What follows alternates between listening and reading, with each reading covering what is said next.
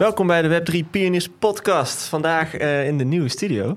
Die uh, hebben mensen nog niet gezien. Het is de eerste keer dat we hier zitten. Ga kijken mensen. Ja, heel blij mee. Ik weet niet of je via YouTube kijkt of luistert, maar uh, voor de oplettende kijker. We hadden eerst een donkere studio. We hebben nu een lichte en een grotere. Ja, de, de winter is voorbij, hè Joe? Ja, kan je het zeggen. De, de permarkt voorbij, de winter is voorbij. We komen allemaal weer uit als holle kruipen. Dus wij dachten laten de boel even witter maken.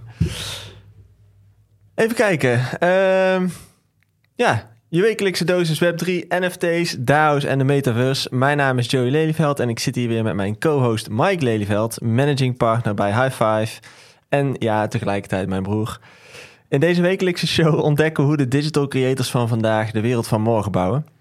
Deze show wordt mede mogelijk gemaakt door High Five, het Web3 agency van bureaugroep Handpicked. En de wekelijkse disclaimer, we geven geen financieel advies. Web3 kan geweldig zijn, maar tegelijkertijd kan er ook nog heel veel misgaan. Do your own research and don't blame us. Vandaag hebben wij te gast Jeroen van der Heijden. Welkom. Wauw, in een nieuwe studio. In de, ja, de eerste in de, in de nieuwe studio. Heb je de, de video gekeken of had je alleen geluisterd? Ik had de vorige uh, aflevering ge geluisterd, ja. ja. Oké, die andere zit hier beneden. Die is een stukje compacter. Dan hadden we het nu een stukje ja, gezelliger. Knusselig, knusselig gehad en warmer gehad, denk ik. Maar het is hier nu ook goed warm, dus dat is prima. En welkom. Bedankt uh, dat je de tijd hebt genomen om uh, de reis vanaf het noorden of het oosten, hè? Het oosten. Het oosten, ja. Noordoosten. Het oosten, ja. Helemaal hier naar het zonnige Breda weten af te leggen. Nou, de trein ging op tijd, dus dat was mooi. Dat scheelt goed, hè? Ja. de eerste vraag die ik graag aan jou wil stellen is... ehm, wat is jouw eerste ervaring met Web3? Ah, eerste ervaring. Ja, dat is denk ik wel echt vijf, vijf jaar geleden dat ik voor het eerst uh, daar zelf in investeerde. Zeg maar. In mijn Mhm. eigen wallet ging uitvinden hoe dat nou werkte allemaal. Welke was dat destijds? Uh, blockchain.com. Oké. Ah, ja. Bestaat nog steeds. Dat was van mij een van de eerste. Goeie Sinds- domeinnaam Sinds wel. 2000. Ja, dat is zeker goede naam. Ik ben daar dus ook ooit begonnen. Oh, Dus echt? inderdaad, was, eh, ik, Ja. ik zelf 2017 of zo, 16, eind 16, begin Ja. 17. Ja. was ook blockchain.com, ja. ja, dus eh, niet echt mega handig, maar goed, hij, eh, hij, hij doet het. En, eh, ik, ik heb mijn sleutels ook nog, dus dat is Kijk. goed. Ja, nou mooi. En toen heb je het, de eerste aanraking was dus echt het kopen van crypto eh, op dat moment. Ja, inderdaad. Dat was wel echt mijn eh, eerste, eerste beginpunt. Wist je toen al waar het, wat dit was? Of dacht je, hey, alles gaat omhoog, ik stap in? Mm, nee, niet echt, maar het kwam meer vanuit dat ik eh, vanuit mijn mentorship bij een aantal bedrijven meer in de blockchain eh, begon te begrijpen, zeg maar, hoe dat ongeveer werkte. Mhm. En dacht, oh, dat is wel interessant. hoe dat, eh, vooral het stukje transparantie en eigen, ehm, nou ja, ehm, ei- eh, je eigen bank, zeg maar, kan hebben. Ja, Dus het is eigenlijk vanuit die interesse, zeg maar, echt ehm, begonnen. oké. Ja, die transparantie is, eh, heb ik een beetje het gevoel dat het voor jou een heel belangrijk ding is in dit verhaal. Da- daar zullen we straks even verder op inzoomen. Ehm, misschien even voor de luisteraar eens beginnen met eh, wie ben je überhaupt? Wa- wa- wat heb je allemaal een beetje gedaan in je leven? Waarom zitten we hier? Wat is je achtergrond? Ja. Ja, wie ben ik? Nou ja, in ieder geval eh, Jeroen, Jeroen van der Heijden. ehm, trotse papa van twee hele mooie kinderen. en al eh, 26 jaar met mijn vrouw, dus best lang. Mhm. Eh, mijn achtergrond is retail management en commerciële economie. Dus dat is eigenlijk wat ik ooit eh, papiertje heb voor gehaald. En eigenlijk heel snel eh, vanuit school was toen heel erg, nou ja, V&D, dat is de toekomst. En dan had ik zoiets, nou, dat gaat echt niet worden, dat V&D. Dat vind ik echt een oude, stoffige bende.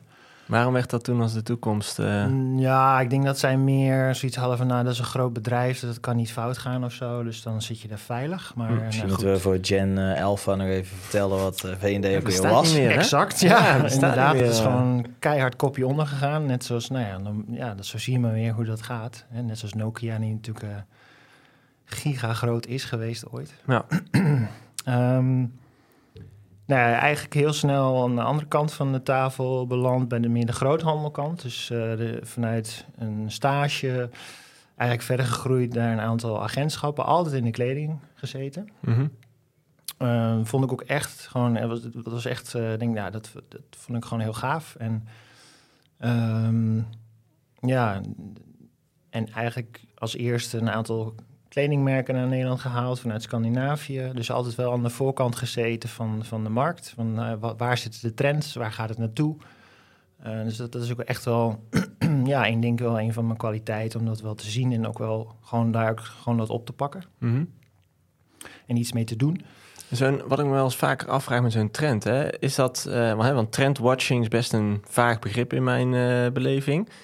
Is dat, kun je dat ook een beetje zien als, ehm, eh, ja, eigenlijk echt een community lezen of zo? Als in zien van wat er gebeurt binnen een groep mensen? Daar wordt over gesproken. Of, Ja, zoiets wat dragen mensen, grote groepen mensen of... Ja, het is een stukje. eh, nou, je, ja, je hebt natuurlijk gewoon die, die, die groei. Hè? Dus je hebt natuurlijk de eerste early adapters, die natuurlijk overal, eh, dat, dat blijft né, 10% misschien van, van de wereldbevolking. En Mhm. die, die pakken eigenlijk heel snel dingen op. Mhm. Die laten het dan los en dan krijg je natuurlijk de early massa. En dan, ja, nou ja je kent de curve, eh, de bell curve, zeg Ja. maar. En dan loopt hij een keer af naar eh, mensen die denken, oh, ja, dat is leuk. Mhm. nou, dan ben je, ben je laggards. 40 jaar verder, zeg maar. Ja. Maar ehm, ja, trends, dat is een goede. Ik denk gewoon kijken inderdaad naar de markt, maar ook een stukje... ehm, ja, ik ik vind het interessant om, om gewoon dingen te volgen. En, en ik, ik, ik, ik, voor mezelf brengt het mij, houdt het mij ook alert van... ehm, weet je, dat je ook in het nu leeft en niet alleen maar in het verleden. En, en ja, en ik, eh, dat is voor mij is het redelijk... Ja, hoe dat ontstaan? Ja, dat groeit en dat begint ergens bij een kleine groep. En dat is dan Ja. ook... eh, en die worden vaak natuurlijk als beetje gek verklaard of eh, apart. Maar ik vind het juist interessant, want ik denk, ja, er zit misschien wel wat in. En eh, laten we daar eens mee gaan kijken van hoe kun je dat nog verder toepassen. Ja, oké. En ehm, ja, dus later eigenlijk in mijn carrière verder eh, bij Karl Lagerfeld mogen werken, bij Calvin Klein, ehm, Tommy Hilfiger, dus echt een heel aantal grote corporates. Dus eerst in wat kleinere bedrijven begonnen, toen corporates. Ehm, ja, mijn cirkeltje rondgemaakt in die zin dat ik bij Hans Ubbink weer, eh, waar ik begonnen ben ooit als stagiaire, eh, alle internationale sales gedaan heb. Eh, altijd sales en marketing. Dus ja, mijn, mijn klanten waren altijd de Bijenkorf of de Selfridges. Of, ehm, en toen kwam er een moment, dacht ik, ja... En vooral bij Hans Ubbing zag ik dat heel erg, van die was best wel met sustainability bezig ook. En hoe kun je dat nou goed doen en beter inrichten. In welke tijdsgeest zitten we nu? Nu zitten we 2012, 13, ja. Dat is allemaal vroeg. En, ehm, dus hij was echt bewust van waar produceer ik, met wie en, en hoe. eh, maar dan nog had hij aan de achterkant zoveel voorraad over. Ik dacht, ja, hoe dan? Want dan ga je dan weggooien. Of, eh, Ja, want voor de beeldvorming, hè, want ik denk dat niet dat iedereen precies weet hoe zo'n fashionwereld dan werkt. Hoe, hoe, hoe kan het dat iemand met zo'n gigantische voorraad eh, blijft zitten dan? Ehm, de, even simpel uitgelegd. Het proces is, eh, je hebt natuurlijk een ontwerpfase. En, dan, en daar worden collecties gemaakt. En dat zijn zeg maar 800 stuks. Dan komt er een klant, eh, de, bijvoorbeeld de Bijenkorf, komt bij je inkopen. Nou, die koopt niet al die 800 stuks. Want je moet voorstellen, dat zijn allemaal verschillende unieke stuks. En dan heb je ook nog eens een keer tien kleuren soms bij een product. Mhm. Dus je hebt het misschien wel over uh, opties. Hè? Dan heb je het wel over eh, um, een paar duizend opties, zeg maar. Zijn er. Verschillende soorten Ja, kledingstukken. dus die ga je nooit allemaal ehm, produceren. Want dus het betekent ehm, dat er ook vaak risico's worden genomen. Dus bijvoorbeeld, nou, weet je, dit jasje is misschien niet het meest populaire, maar is misschien wel belangrijk voor, voor het imago van een merk bijvoorbeeld. Dus wat gaan ze dan doen? Dan gaan ze risico nemen. Dan hebben ze bijvoorbeeld, hè, de, de Bijenkorf zegt, nou, ik wil er wel tien. En dan zegt nog een winkel, ik wil er vijf. Nou, noem maar op. Zo kom je een totaal van, nou, misschien honderd stuks. Maar die fabrikant zegt, ja, nou ja, leuk, maar Minimaal. Zo. Minimaal Ja. moet jij in ieder geval met mij een order afgeven van 300 stuks. Oké, ja. Nou, dan gaat het merk erover nadenken. Hoeveel risico ben ik bereid om die 200 stuks als risico te... Want dat is het dan, risico te nemen. Ja. Nou ja, dat gebeurt dus vaak omdat ze dan zeggen... ik wil omzet, zeg maar, genereren. Dus ze kopen eigenlijk omzet. Mhm. Maar dat blijkt vaak aan de achterkant geen omzet te zijn, want het hangt in het magazijn. Ja. Dus dat is een beetje Ja. in het kort hoe het werkt. En natuurlijk doen ze heel veel marketing en, en ehm, hè, mooie verhalen van nou, dit is het ideale jasje en koop het. En dus het is eh, heel erg, daardoor is marketing eh, natuurlijk een belangrijk onderdeel en modeshows en het hele imago eromheen. Maar Ja. ja, ehm, uiteindelijk onderaan de streep is het waarschijnlijk niet zo heel interessant. En heb je een idee bij ehm, hoeveel procent uiteindelijk gewoon nooit verkocht gaat worden en dus op de stort belandt? Of waar gaat zoiets naartoe? Derde wereldlanden misschien? Ja, ontwikkelingslanden, er zitten natuurlijk nog wat outlets tussen. Dus, eh, maar ja, Loopt dan daar iedereen in Ja. designerkleding? Of nee toch? nee, nee, precies. Dus, uh, nee, ik, ik, ja, de cijfers zijn dat er uh, um, 18 um, miljard kledingstukken per jaar gewoon weggegooid worden. Dus, en dat is de stort? Of? Nou, dat, wordt, dat kan de stort zijn, maar het kan ook uh, ja, inderdaad sturen ze naar derde wereldlanden of ontwikkelingslanden. Ja, precies. En dan wordt, komt het daar uiteindelijk op de stort. Ja. Klopt het ook dat uh, de retail-industrie een van de meest vervuilende industrieën ter wereld eigenlijk is? Ja, kledingindustrie staat wel in de top 5. Ja, ja. absoluut. Ja. ja. Ik heb wel eens een keer uh, foto's gezien. Volgens mij was het in India van die echt eindeloze bergen met kleding die daar gewoon gedumpt worden ergens in uh, een, woestijn of zo, wat het dan ook was. Ja. Van, ja. Uh, ik geloof H&M was er geloof ik, die daar echt ja, bizarre en, bergen. Ja, of, of heel veel merken verbranden het omdat ze geen imagoschade willen hebben. En dus dat ze, dat ze iemand op een tv hebben met een bazooka en dan uh, Gucci, weet je, dat is niet echt fijn, zeg maar. Ja, ja. dan verbranden ze het liever, zo. Ja, precies. Ja. Maar goed, in ieder geval vanuit dat, dat punt uh, dacht ik van, nou, dit, dit werkt voor mij niet. Um, dus toen heb ik gekeken, hoe kan het gewoon het model anders? En, en ja, dat kun je proberen binnen een bestaande organisatie, maar dat is vaak, uh, levert dat veel hoofdpijn op.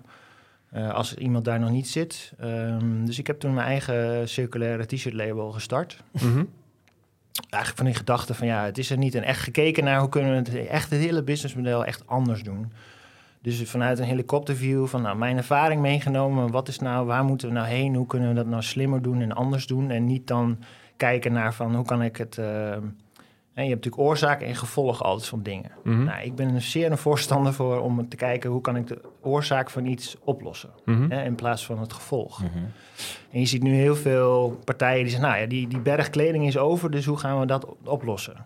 Ja, oké, okay, dat, maar dat is voor mij het gevolg van iets wat ergens begint. En ja.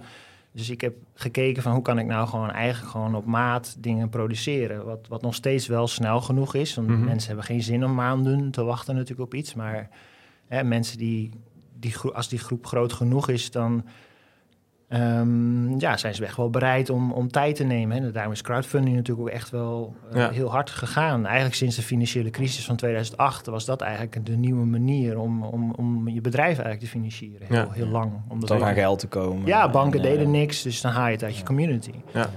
Ehm, ja, dus ik heb toen eigenlijk een groep designers en creatievelingen bij elkaar eh, gebracht. Eh, voor hun was het feedback vanuit de markt direct eigenlijk. Dus, eh, en, en een, een groep kopers via crowdsourcing en funding... dat zij eigenlijk konden bepalen wat ik als merk ging produceren. Dus eigenlijk het hele model omgedraaid. Dus de, de Eh, klant bepaalde eigenlijk wat jij ging maken... in Ja. plaats van Ja. de ontwerper die bedenkt van... wat ga ik voor de klant maken. Ja, dus de ontwerper was wel de creatieveling. Hè? Dus Mhm. die zetten er dus een voorbeeld neer van... nou, dit is wat ik graag zou willen. Ehm, de klant ging of kon stemmen of kon kopen. Ehm, nou, vaak werd er gekocht. En als ze dan...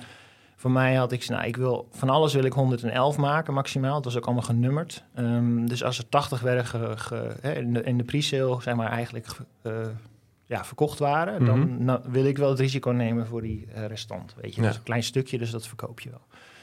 Nou ja, zo, zo. Maar goed, als ik er soms twee had verkocht, ja, dan ging ik het niet produceren. Waarom zou ik het doen? Precies, ja. Dus ehm, Zit er nog een carnavaleske knipoog naar 111? Of, eh, ja, hey.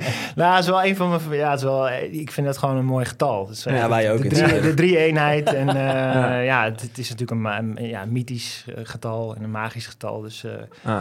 Ja, en eh, het is een mooi. En, en jij nummerde dus, zeg maar, stel 111 shirts. Dan had elk shirt een nummer. Ja. En ehm, hoe hield jij dat ergens voorbij? Of wat was het idee daarachter? Nou, om, mensen ook gewoon te realiseren van hey, dat ze gewoon eh, nummer 1 hadden van 111 of 111, 111. Hè? Dus dat, dat het ook een soort verzamelobject was. Ja, ontstond daar dan ook handel van... Hey, ik wil echt nummer 1 hebben? Of Ja, ja, zeker. Mensen vonden dat wel echt super tof. ja. stukje verzamel in de mens eh Ja. kwam ook Ja. omhoog. Ja. Dat is, dat is leuk. Ehm, maar goed, ook daarin de uitdaging gehad van, weet je, hoe, hoe vind ik daar dan verder een investeerder voor? En, en die zeiden toen, eh, circulaire economie eh, wordt toch niks, dus eh, stoppen we maar mee. Dus dat was wel, eh, was wel interessant. Ehm, maar eh, ja, als ondernemer denk ik is het belangrijk om eigenwijs te zijn. En vooral als je daar je passie voor hebt en wel in gelooft. Want eh, als je die visie hebt, zeg maar, over van waar het zou moeten zijn eh, over 10 of 20 jaar, whatever. eh, om dat dan te doen. Dus ik heb eigenlijk zelf veel crowdfunding gedaan, ook om, om dat weer te financieren. En, ehm, Hm. Ja, dat was een leuke manier. Uiteindelijk, eh, vier jaar later, heb ik het eh, verkocht. Omdat ik voor mezelf zoiets had, ik wil eigenlijk nog meer impact eh, maken. En hoe kan ik dat dan doen? Ja, was een, een, een, een gebied waarin je vond dat je nog onvoldoende impact maakte?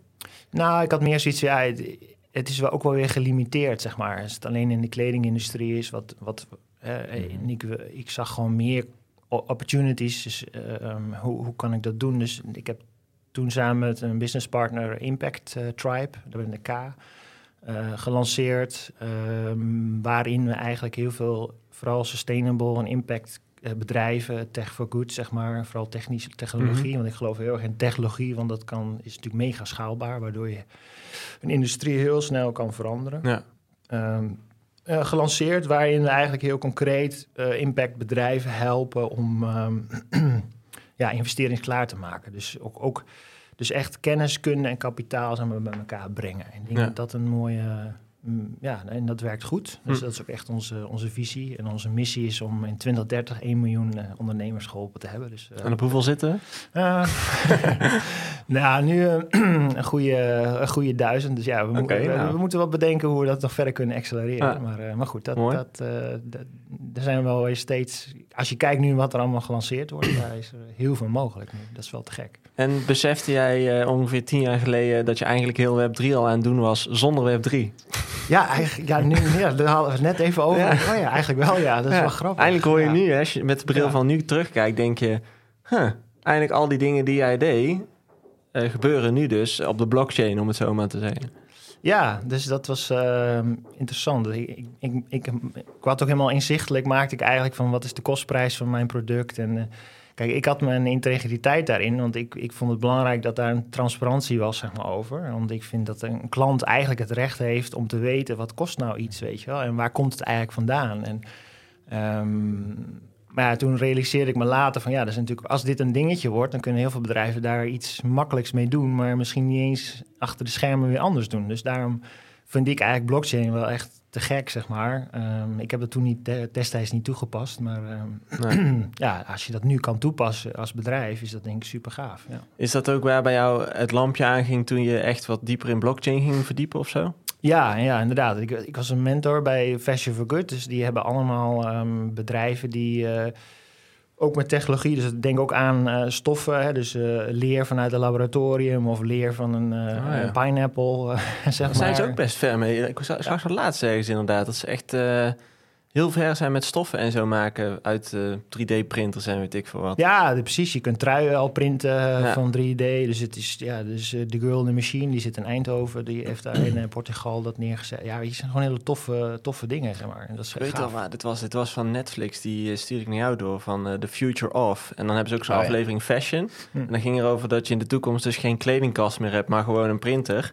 En Hm. dat je gewoon 's ochtends zegt van, eh, je swipet gewoon welke kleding je aan wil. En dan zeg je klik en die print die gewoon voor je neus.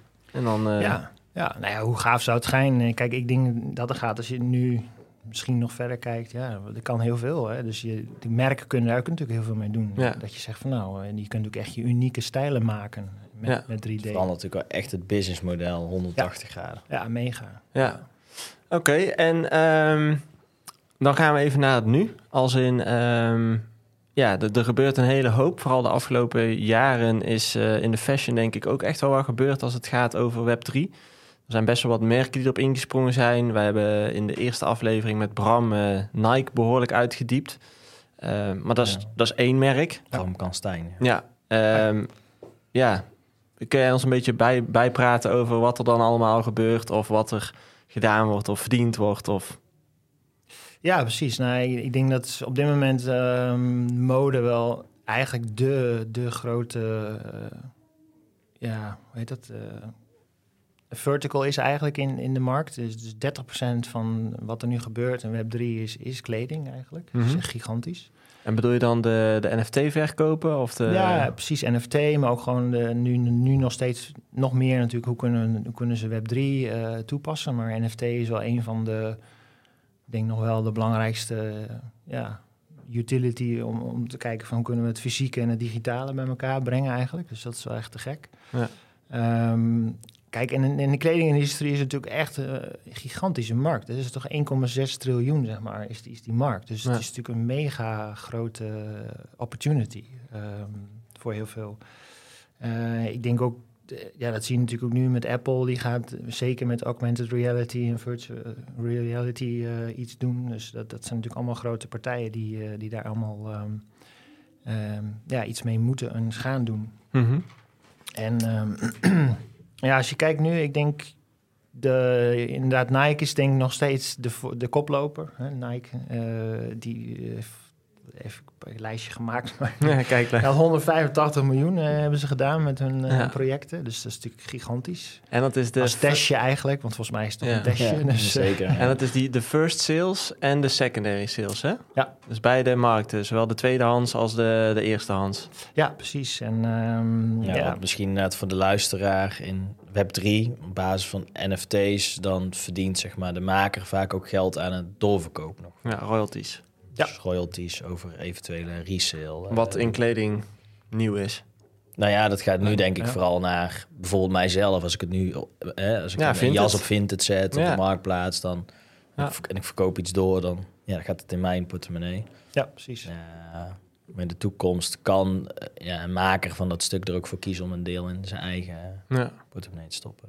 Ja, zeker. En ik denk voor, voor kledingbedrijven is het natuurlijk een mega kans. Als je kijkt hoeveel je met een eh, NFT eh, kan hè, qua, qua utilities. En eh, ik weet niet hoe ver jullie dat al besproken hebben. Met, met, eh, maar eh, ja, het is natuurlijk niet het is natuurlijk digitaal eigenaarschap. Maar inderdaad, eh, eh, ook denk aan vooral eh, natuurlijk ook mogelijkheden dat voor, voor merken dat ze exclusieve eh, producten zouden kunnen lanceren als iemand een NFT bezit, weet je wel. Dus Ja. het is natuurlijk een enorme nieuwe manier om, eh, om, om te engagement te krijgen. Ja, want ik, heb je- ik, ik zie ook wel echt ehm, een soort gamification-achtige eh, dingen vormen. Ik moet bijvoorbeeld als denken aan zo'n hard rock café, waar je volgens mij in elke Hmm. hoofdstad van de wereld eh, zo'n t-shirt kan kopen. Starbucks. ja, misschien is het straks wel dat je, dat je NFT evolueert of zo als je incheckt ergens op een bepaalde plek. Ja. Dat, Ja. dat je dan weer ja, bepaalde dingen unlockt of zo. Ja, ik denk dat, ik denk dat ja, die mogelijkheden zijn denk ik redelijk eindeloos. Als wij het kunnen bedenken, kunnen we het bouwen. Ja, precies. Dus dat, dat is natuurlijk een gigantische...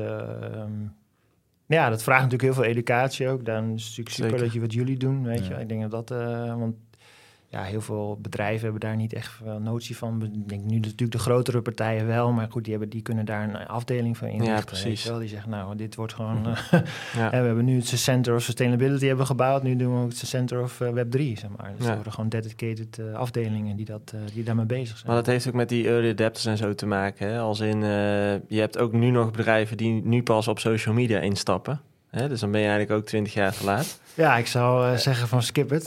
Nee, maar ja, dat, dat is gewoon echt wel. De bakker om de hoek is misschien nog bezig met Instagram uitvogelen. Waar dus de, de grote jongens nu al bezig zijn met... oh, laten we een Web3-tak opzetten. Eh, dus dat heeft denk ik ook wel te maken met die curve. Dat is op zich natuurlijk dat dat gebeurt, denk ik. Maar het is wel slim om als bedrijf... proberen vooraan die curve te gaan zitten... eh, in plaats achter, van achteraan. Ja, dat is zeker. Want ik denk daar de... Natuurlijk, het is ook wel experimenteren. Dus je zal ook Mhm. een, een paar keer op je mond gaan, zeg maar. Ja, Maar ja, als je bereid bent om daar risico in te lopen, is denk ik de, de upside. En denk dat als ondernemer, tenminste, ik kijk altijd naar ja, wat, wat is nu mijn investering en hoe zal de return er zijn? En eh, ja, dat, dat, dat is denk ik mega. In Ja. die zin dat je die voor. Nu is dat veld zo nog vrij en is het een beetje cowboy af en toe nog, maar eh, daardoor is natuurlijk super veel ruimte om dat te doen. ja. Ik denk wat ook heel belangrijk is voor bedrijven, wat vaak misschien wel ze weten, maar wat onderschat wordt. Wat ik in het verleden in mijn carrière veel heb gezien, ook met de on- ontwikkeling en omarming eigenlijk van het internet, hè, ehm, is grote ondernemingen die bewegen gewoon niet zo snel. Weet je, er, wer- er werken daar honderden, duizenden mensen. Ehm, ja, ga Ans van de administratie, die daar al 25 jaar zit, maar eens uitleggen dat ze opeens van in een schriftje schrijven, dingen moet gaan digitaal boekhouden in een AFAS of in Exact. Of, hè, de- de- het, het verandert ook gewoon heel veel nieuwe skills van de mensen in je bedrijf. Eh, en ik denk zelfs, als je kijkt ook naar Web3, ja, ook echt wel gewoon een andere kijk op de wereld. Ehm, dus ja, het is misschien niet alleen vroeg beginnen en pionieren om soort van de technische aspecten ervan te ontdekken. Maar ik denk ook gewoon heel belangrijk om het in de organisatie te gaan laten leven. eh, dat het ook onderdeel wordt van de, de strategie en de missie en de cultuur binnen het bedrijf. ja. En dat is ook denk ik een belangrijke reden om, eh, om hier op tijd mee te starten. Ja, zeker. En dat is wel een goed punt wat je aanhaalt, vind ik, van corporates. Want ja, dat zijn inderdaad vaak olietankers. Ja. ehm, die een bepaalde koers hebben. En, eh, en ik, ik zie nu wel een hele... ehm, steeds wel meer interesse vanuit corporates... die graag wel weer met start-ups willen werken, zeg maar. Om dan toch een beetje die, ja, die snelheid erin te Ja. houden, ook in bepaalde dingen. Dus dat is wel, dat vind ik een hele mooie manier. Dat is eigenlijk wat Ehm, Nike ook heeft gedaan. Hè? Die heeft gewoon een start-up gekocht om die Web3-tak te worden. Ja, precies. En natuurlijk Facebook ooit eh, Ja. heeft natuurlijk de, de augmented reality eh, glasses toen gekocht. Ja. Ehm, kijk, en dat is wel het voordeel van corporates, die hebben wel geld. Dus die kunnen dat wel eh, binnenhalen, zeg maar. Maar het vraagt wel ook een CEO met, met, met visie. en, en ik denk, eh, ja, ik ken Daniel Grieder goed van Tommy Hilfiger. Die heeft een hele tech-revolutie daar meegemaakt. Zij hebben bijvoorbeeld al ehm, heel vroeg eigenlijk een hele showroom, wat ik net noemde, al die stuks hebben zij digitaal gemaakt eigenlijk. eh, om dat überhaupt te besparen. Want een, een sample, moet je je voorstellen, is vier keer zo duur, zeg maar, dan... Hè, dus het Een jasje fysiek sample. Precies, ja, dit jasje, ja, maar ook, eh, ook al produceer je die, dat sample, dit jasje, zeg maar, dat normaal hè, 300 euro gaat kosten in een winkel, moet dan maal vier Hm. eh, om, om één stuk te maken. Dus dat- als je dat kan digitaliseren, dan nou ja, dat bespaar je natuurlijk mega. Gigantisch, ja. Ja, dus dat, daarin is het altijd eh, super disruptive natuurlijk, technologie. Volgens mij zie je dat ook al steeds meer in de auto-industrie. Het Ja. maken van prototypes, dat die steeds meer 3D-print worden Ja. en zo. Ja. Vroeger Ja, deed dat helemaal met kle- klei volgens mij boetseren. Kan Klopt. ja, ja. Wat, wat zijn zo'n aantal dingen in de fashionwereld waarvan jij nu zegt van ja, dit is gewoon echt al wel tof, waar merken mee bezig zijn bijvoorbeeld? Eh, nou, ik denk sowieso, nou ja, ik denk de top 10 eh, bedrijven die nu iets met NFT's doen, dat, dat zijn er zes al zijn er in de kleding. Dan zag je nu net weer met Lacoste, zeg maar, die natuurlijk met Djokovic eh, dan zijn 22e Grand Slam gewonnen heeft. Dus dit is natuurlijk een speciale editie van zijn jasje gemaakt, Mhm. fysiek. Maar ze maken dan ook een digitale, 22 digitale, weet je wel. Dat, Ja. dat vind ik wel Ja. vet. Hè? Dus dat je gewoon die eh, engagement en ehm, ja, ik, ik, er zit een stukje, eh, wat ik gaaf vind, is echt vooruitdenken van hoe kan ik de nieuwe generatie eigenlijk binnenhalen nu al. Wat natuurlijk Apple geniaal is geweest in de jaren negentig om te zeggen, nou op alle scholen plaatsen we nu Apples gratis. Ja. En dan weten ze, nou ja, over 10, 20 jaar gaan ze van school af, of 10 Ja. jaar. Die gaan gaan ze kopen? een Apple, joh. Ja, dus dat, dat ehm, ja, ik denk dat dat, wel, vind ik wel te gek. En ehm, ja, kijk, dat, dat vind ik gewoon mooi om te zien dat, die digi, dat, dat het fysieke en het digitale gewoon dichter bij elkaar komt. Omdat een hele gro- groep, men, hè, de generatie Z, nu gewoon in die digitale wereld heel erg leeft door Ja. gaming. Of, en dus dat, dat, ehm, ja, dat, dat wat steeds meer instroomt. Dus dat vind ik heel mooi. Ja, Nike is natuurlijk eh, vind ik een gaaf voorbeeld, maar Tiffany's. Dus met die sieraden? Tiffany's heeft inderdaad met de CryptoPunks eh, CryptoPunks, een samenwerking aangegaan. Vind ik heel tof. H&M is denk, ik heel gaaf project bezig nu. Ehm, ook op Roblox. Dus Roblox is een van toch wel een soort gateway geworden Ja. voor heel veel. eh hè, dus Tommy Hilfiger. Vooral jongeren, denk ik. Gewoon, Ja. ja. kinderen eigenlijk. Die, die, Ja, brengen dat heel is, veel dat is eigenlijk een soort metaverse, hè? Ja. Ja, dat is precies. Game- ja, game. Misschien een beetje de, de eerste, of nou niet per se de eerste, maar wel een grote belangrijke variant van eh, dat mensen dus online een leven hebben. Hmm. Eh, een digitaal leven en een fysiek leven. Ja, precies. Dus dat is. ehm, ja, dus wat ik zeg, eh, H&M is nu bezig. Die heeft eh Loop, Looptopia, heet het. En wat ze doen is super slim. Maar ehm, s- de, degene die dus een Roblox en een Looptopia, eh, Topia, sorry, eh, daar bezig, die kunnen hun eigen kleding zeg maar ontwerpen daarbinnen. Dus Looptopia zit in Roblox. Ja, Daar precies. kun je Dat in. is hun, hun store, toch? Of, Het is hun of- store en dan kun je Ja. eh, dus kinderen, of, die kunnen daar, of volwassenen natuurlijk wie er maar is, maar die kunnen hun eigen collecties maken. Nou ja, hoe vette marketing heb je? Dus eigenlijk inderdaad, ik kom even terug op wat ik natuurlijk toen eh, op de ouderwetse manier misschien gedaan heb. Maar dat, dat gebeurt nu inderdaad in de metaverse. Dus dat Ja. is wel heel vet. Eh, ja, het is natuurlijk een mega marketing eh, informatie die je daar hebt. En die Dat kleding kunnen ze dan ook meteen dragen in hun karakter, zeg maar, in hun precies. avatar. Het worden hun avatars. maar het is natuurlijk voor, voor data, voor H&M is mega. Hè? Wat, wat, wat, wat vinden ze nou leuk? Wat willen ze Ja. nou? Dus dat kunnen ze natuurlijk straks heel makkelijk omzetten in fysieke producten. En je bedoelt dan, even als, als simpel voorbeeld, stel er wordt heel veel blauw gekozen voor een trui, dan weet H&M van nou, blijkbaar is blauw op dit moment heel populair. Laten we dat daarop in gaan zetten. Meer jassen of kooltruien. Precies. Ja, dat, maar ook gewoon dat ze zelfs eh, producten kunnen ontwerpen. Hè? Dus de, de creativiteit van hun doelgroep komt Ja. daar zelfs in. zitten. Dat, gaat niet, dat is niet alleen een blauwe trui, maar is misschien wel een broek met allemaal blokjes. eh, Ja, ja, precies. En, Of één mouw of zo, knopen, of weet je wel. Ja, Ja, weet je, ja. dat is- soort Het is, dingen. wel, het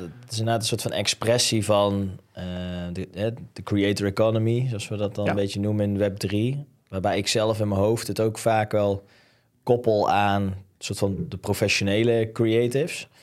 Maar ik, ik, ik, ik bespeur zelf, als je het dan hebt over trend eh, spotten, hè, dat, eigenlijk is dat, is dat iets wat ik al jaren zie, is dat de, de jeugd, om het zo maar te zeggen, hè, Gen Z, Gen, eh, Gen Alpha, en die zijn toch wel gewoon best wel creatief. Dat was ook de eerste Ja. keer dat ik naar TikTok keek, een aantal jaren geleden. Toen, eh, toen was ook mijn eerste gedachte eigenlijk van, ah, die kinderen zijn eigenlijk best wel grappig en creatief. Van, Ja. van, van dingen die ze allemaal doen met filters en dansjes. En ja, je kunt er van alles van vinden, maar het is... eh, als ik kijk waar ik vroeger als allereerst op YouTube heb geslingerd, dat was, eh, Ja. had niet dit niveau, zeg maar. Nee, maar creativiteit is natuurlijk iets wat bij kinderen vaak eh, nog onaangetast is. Hè? Hoe ouder je wordt in je leven, hoe beperkt je, over het algemeen wordt. Door hetgene wat je allemaal hebt meegemaakt in je leven. Dus jou, dat zie je bij artiesten ook. De grootste problemen die artiesten hebben, is vaak op dat kinderbrein intappen. Omdat dat helemaal afgeschermd is door alle ervaringen, slechte ervaringen, eh, die ze al hebben gehad in het leven. Maar ja, hoe mooi is het dus dat je daar... eh, ja, dat je eigenlijk dus hè, die, die, die mensen daarin voor kan, kan Ja. faciliteren. En dat je daar als bedrijf van kan leren. En daardoor ook duurzamer Ja. en beter en gerichter kan produceren eigenlijk. Ja, nee, zeker. Dat is, dat is, ja, de kracht van de crowd dat is natuurlijk gigantisch. En, eh, dat, dat, vooral dat stukje co-creatie vind ik mooi. En dat is, denk ik, door Web3 en alle technologieën die er nu zijn, is dat, is dat nog eh, ja, veel makkelijker eigenlijk geworden, die, die gap, zeg maar. Je hebt natuurlijk social media, is eigenlijk een soort tussenvorm, zeg maar, daarin, waar je natuurlijk al een stukje kan engagen met je doelgroep. En, eh, en, of je kan een platform bouwen, maar... Ja, ik denk dat dat is wel echt, eh, echt heel Ja. gaaf wat er eh, nu gebeurt. Ja. Verdient een H&M hier ook al geld aan? Nou, ik denk straks wel, want straks kunnen, ik denk nu niet, nog niet echt, maar kijk, zij zien het natuurlijk als gewoon marketing, dus het is gewoon een investering die ze doen en daar komt zeker een return op. Ehm, want als je kijkt naar, eh, Forever 21, dat is, Mhm. eh, die, die hebben dat eigenlijk ook al hè, via Roblox gedaan. waarin dus heel veel avatars waar ze zagen van... Zij hadden de- Forever 21 had zeg maar al kleding daarin ontworpen. Dus die had dat iets anders aangepakt. Maar goed, die had dus gewoon bepaalde stijlen in, in Roblox. eh, konden mensen alvast aanschaffen op een avatar. Ja, daar zagen ze natuurlijk eh, zoveel... Heel veel data van, van, nou, dit zijn de items die ze graag willen dragen in de, in de virtuele wereld. Kunnen we dat ook gewoon fysiek maken? Nou, dat doen ze nu dus nu. Ja. En verkopen ze gewoon 2000 stuks per dag daarvan. Oh, dat Van die dingen die dus ontworpen zijn in de metaverse. Weet je, dus het is, het is zo community driven. En Ja, dat is, dat, is, dat is wel echt bizar, ja. ja. ja, dat is, dat is super vet. Dus het is- zijn natuurlijk mega ja, verdienmodellen en, zo, en hele echt een, ja, je hebt bijna geen ontwerpers nodig. Want eh, je, je, je crowd is gewoon je ont- Ja. ont- zijn de ontwerpers eigenlijk. Ja. Nu ik erover nadenk, mijn dochter is vier en die zit wel eens op de iPad zo'n prinsessenspel te doen. Die- Die kan ze dan aankleden. Ja, En die is dus vier en dan zie, die, die maakt wel soms dingen dat ik echt denk, hoe kom je erop? Gewoon inderdaad qua samenstelling van dingen. Zeg ze, kijk, vind, je, mo- vind ik mooi? Ik denk, nou echt, hoe bedenk je het? Maar dat vindt zij dan, dat is haar creativiteit. ja is ook zo. En Dat dat, op die eh, leeftijd uiteindelijk al gebeurt, hè? Ja, ja, nou ja, kijk, ik denk als mens zijn we sowieso mega creatief. Hè? Zo worden we ook geboren. En, Mhm. nou ja, dat is een beetje off-topic, off-topic, maar ik denk dat school nog misschien wel de meest belemmerende vorm is op dit moment. Hè? Als je kijkt naar waar de wereld Ja. naartoe gaat en op welke manier we nog steeds mensen educatie geven. Ja. Ja, het is heel Komt, afkaderend. nou, maar het komt gewoon uit de industriële revolutie, ons schoolsysteem. Dus come on, we zitten in de vierde Ja. eh, revolutie. Moeten dus het door. kan gewoon niet Ja. meer. Dus Ja. ja, ja. sorry Ja, als- school, maar... school als, ik, als ik me goed herinner, de school komt inderdaad voort eindelijk aan van hoe kunnen we eh, medewerkers voor fabrieken eigenlijk opleiden. Ja, hè? ja, dus hoe, ontwikkelen we een methodiek en hoe kunnen we daar Ja. al jong mee beginnen, zodat ze makkelijk Ja. de fabriek in kunnen rollen en mee produceren. Ja, dus ik denk de toekomst, eh, ook daarin is, we hebben gewoon veel meer ondernemers nodig. Hè, in, in die zin. Ja. En, en daar ondersteuning aan geven. En eh, volgens mij is het nog nooit zo makkelijk geweest om überhaupt een onderneming nu te beginnen. Mhm. Eh, kijk even naar OpenAI. Ja, En Dat is ook- echt, eh, Dat is eh, bizar wat je daar kan. Dus Ja. kijk, mijn zoon kan, als hij wil, gewoon morgen een boek schrijven. Ja. Ja. Ja, Ja, het is echt. eh, ik heb het vorige nog geappt, ook naar. eh, zo'n appgroepje over Web3. En zei ik ook nog, zeg, hoeveel tijd hebben jullie erin gespendeerd? Want ik ben de laatste tijd dus echt veel mee bezig. Nou, hele blogs, alles komt eruit rollen gewoon. Het is echt perfect. Ja, Het schrijft dingen gewoon honderd keer beter dan ik zelf. Ja in vijf En- minuten. Ja, Echt nou nog niet eens. Ik Ja, denk nee, 30 maar- seconden. bizar. Ja. Hey, Of ja, je hebt, Ja. eh, want ik, ik heb nog wel een ding Ja, waar ik benieuwd naar ben. mhm. Ehm, en we hebben drie landen. Tuurlijk, fashion is groot. Je ziet steeds meer met NFT's en zo eh, komen, gebeuren. Maar ik denk wat een soort van invalshoek is... waar we het ook hier in de show eigenlijk nog niet zo heel veel over hebben gehad. Waar ook nog wel wat technische haken en ogen aan zitten. Maar waar ik nieuwsgierig ben naar jouw, eh, jouw visie daarop... is het hele stuk eh, eh, physical, digital, digital. Hè? Dus Digital, eh, ja. in, in hoeverre ehm, moet een fysiek stuk altijd gekoppeld blijven aan, aan de NFT? Gaan we fysieke stukken straks minder belangrijk vinden? Want wordt onze expressie vooral digitaal? Een beetje in die hoek. Wat is jouw, jouw, jouw kijk daarop? Hoe zie je dat ontwikkelen? Eh, goeie vraag. Dat is een beetje trendspot, hè? ja, trendspotten, precies. Nou, ik denk, kijk, het voorlopig, het fysieke eh, blijft wel echt wel leidend. En ehm, om- omdat, kijk, voor mij even, en hou ik het op kleding, is, is nog steeds natuurlijk een manier hoe je zelf kan expressie kan geven. Of je persoonlijkheid eigenlijk kan versterken hè, met kleding. Dus je kan je Mhm. dat vind ik het. En dat, dat blijven we. ehm, zeker zal dat het grootste deel wezen. Ehm, maar goed, als je kijkt, misschien wel een 2040, hè, als generatie Z, eh, vader, moeder is. eh, de alfa-generatie nu, eh, nou ja, jouw dochter, Ja. het, eh, nou, geen 20, maar goed. eh, en misschien wel, eh, nou ja, nou, 18, 19 zeg maar. Dan, dan ja, dan, dan zij leven natuurlijk wel veel meer in die wereld. eh, nu al met roadblocks en alle games die er zijn. Ehm, eh, ik, ik denk zeker dat daar. eh, hoe groot het zal worden, ja, dat, dat, is, dat, dat is, blijft natuurlijk altijd de vraag. Hoe groot de adoptie is en eh, hoe. ehm, maar ja, ik vind het wel interessant hoe dat, eh, hoe dat zich verder gaat uitkristalliseren. Maar ja, goed, ik denk dat het fysi- het fysieke product nog steeds wel, eh, zeker in kleding wel, ja, ja, we moeten toch iets aan hebben, zeg maar. Ja. Eh, moet ik allemaal maken. ja, Ja, nou ja, als van Adam en Eva. Ja, sokken, Hij misschien ziet nu best wel wat ehm, experimenten hè, die gedaan worden. Dan is mij in ieder geval opgevallen dat je ook veel koppelverkoop, eh, om het maar Ja. even zo te zeggen, ziet. Hè? Dus Tom. Tommy Hilfiger heeft bijvoorbeeld ook die, die Parallax webshop. Nou, daar kan je gewoon fysiek een vest kopen. Ja. Maar je kan in de checkout eigenlijk aangeven van... ik wil ook een digital twin. Hè? Dus de NFT van dit vest kopen. Betaal je dan 1 euro voor. Het vest is 80 euro of zo. Het fysieke vest. Ehm, maar ik, ja, ik snap hem wel, zeg maar, van je koopt misschien het vest... omdat je je daarmee als mens wil identificeren met die, met die stijl... of met dat merk of iets.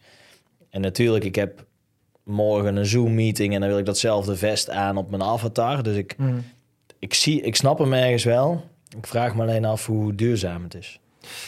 Ja, maar ja, dat, ik, ik denk ook dat, dat daarin, ik denk dat het heel belangrijk is dat de metaverse dan wel meer met elkaar gaat interacteren, zeg maar. Want ik denk dat er nu nog te veel werelden op zichzelf Mhm. zijn. Wat, wat denk ik, ik denk dat dat belangrijk is. Hè, dat dat, als je het over adoptie hebt, eh, sowieso ehm, is denk de stap voor heel veel mensen nog wat groter. Dus ik denk dat daar de, de gateway, dus de Twitter kan daar bijvoorbeeld een, misschien wel de belangrijkste rol in spelen om, om die gateway eh, te zijn, zeg maar. Hè, om dat Mhm. makkelijk te maken. Eh, ja, ik denk, ik denk dat elk merk op zichzelf daar eh, een bijdrage in kan hebben hoe dat de adoptie daarin ehm, kan zijn, zeg maar, voor, voor die. Ik denk dat die ge- generatie Z is, is daar zeker bereid toe om dat te, Mhm. te willen en te, en, en te doen. Als ik kijk naar mijn zoon, die vindt het al heel fijn om. Kijk, ik heb een nieuwe skin, weet je wel. Ja, super trots. Nee, maar dat bedoel ik. Dat, dat, dat, dat zie je heel vaak. En Ja. Ja. vooral ook jonge moeders eh, met, met jonge kinderen. Ja. Die, kunnen, ze- die kunnen vaak best wel makkelijk dat bruggetje maken van... Ja. En mijn kinderen leven in zo'n wereld. Maar ook, hè, wat wil je voor je verjaardag? Ja, ze vragen geen voetbal meer of keeperhandschoenen. Ze willen een skin of, eh, of Robux, hè, te goed voor om, om een Roblox uit te geven. Dus Ja. je ziet daarin wel die ontwikkeling. Dus ik ben ja, dus ook wel benieuwd van eh, hè, over eh, 2030, 2040.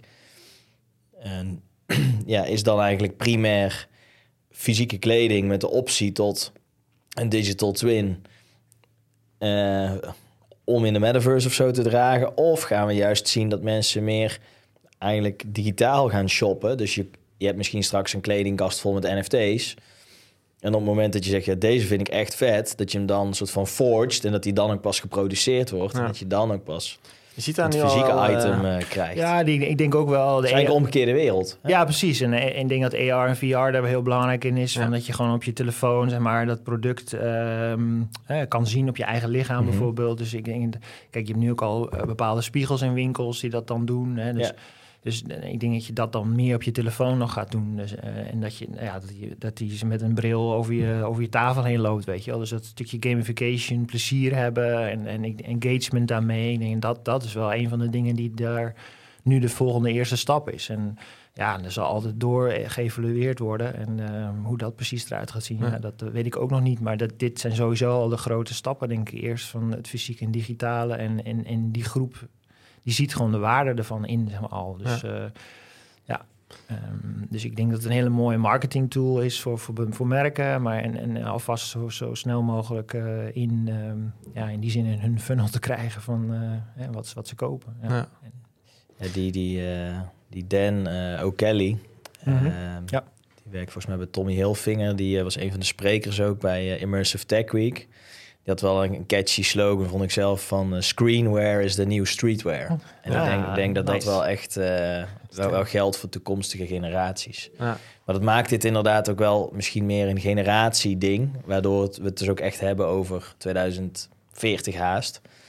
Ehm, Ja, ik denk het wel. Want eh, ja, ehm, toen ik voor Karl Lagerfeld werkte, dat is 2006, 7, 8, 9, 10, zeg maar. Daar had Karl Lagerfeld al een second life, weet je wel. Dus, Mhm. de, dus Ja. dat, het is er ook... Het, het- maar dat, dat heeft nooit echt in die vorm, zeg maar, natuurlijk... ehm, eh, is het groot geworden. En, maar goed, dat, dat betekent niet dat het nu... Ik denk juist nu wel, omdat die engagement heel veel breder gedragen wordt. eh. Ik denk dat dat meer ook was omdat de technologie misschien nog niet helemaal klaar was.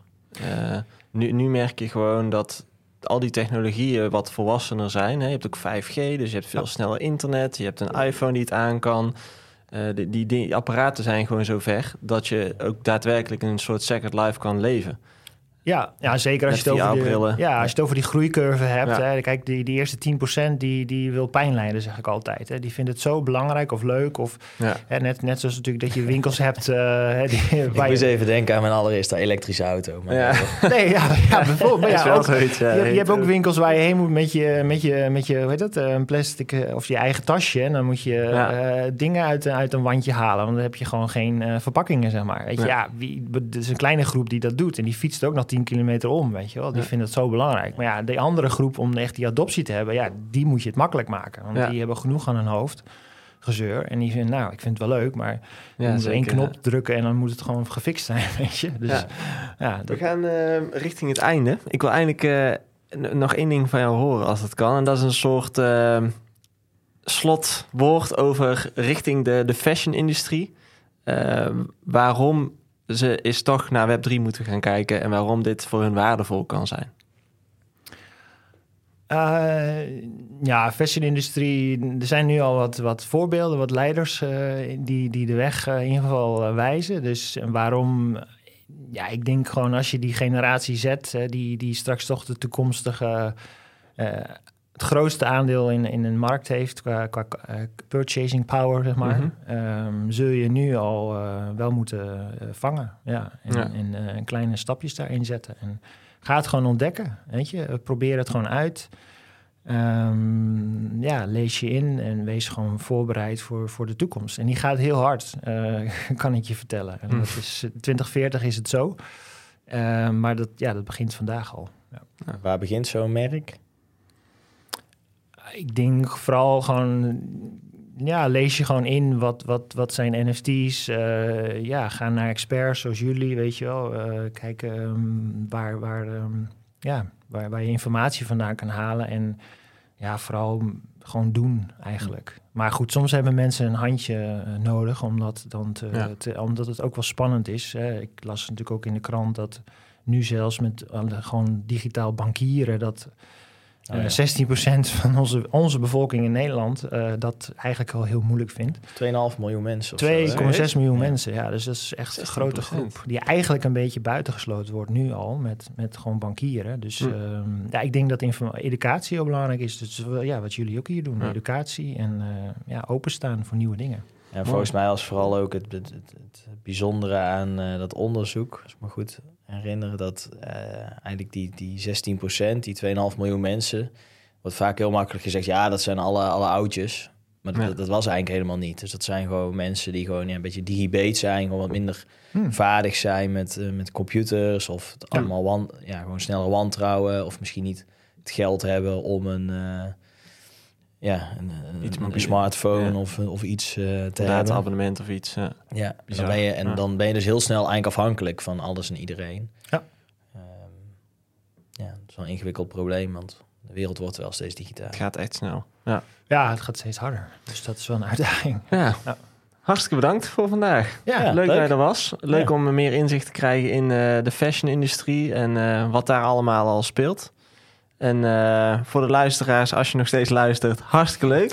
Ehm, als je wil, eh, ja, wordt het altijd gewaardeerd als je onze podcast ook even waardeert op Spotify. Dat helpt ons enorm om meer zichtbaarheid te krijgen. En eh Mike en ik gaan zo even lekker napraten. En daar kun je ook naar luisteren. En anders zien we je graag volgende week weer. Doei! Doei. Hoi.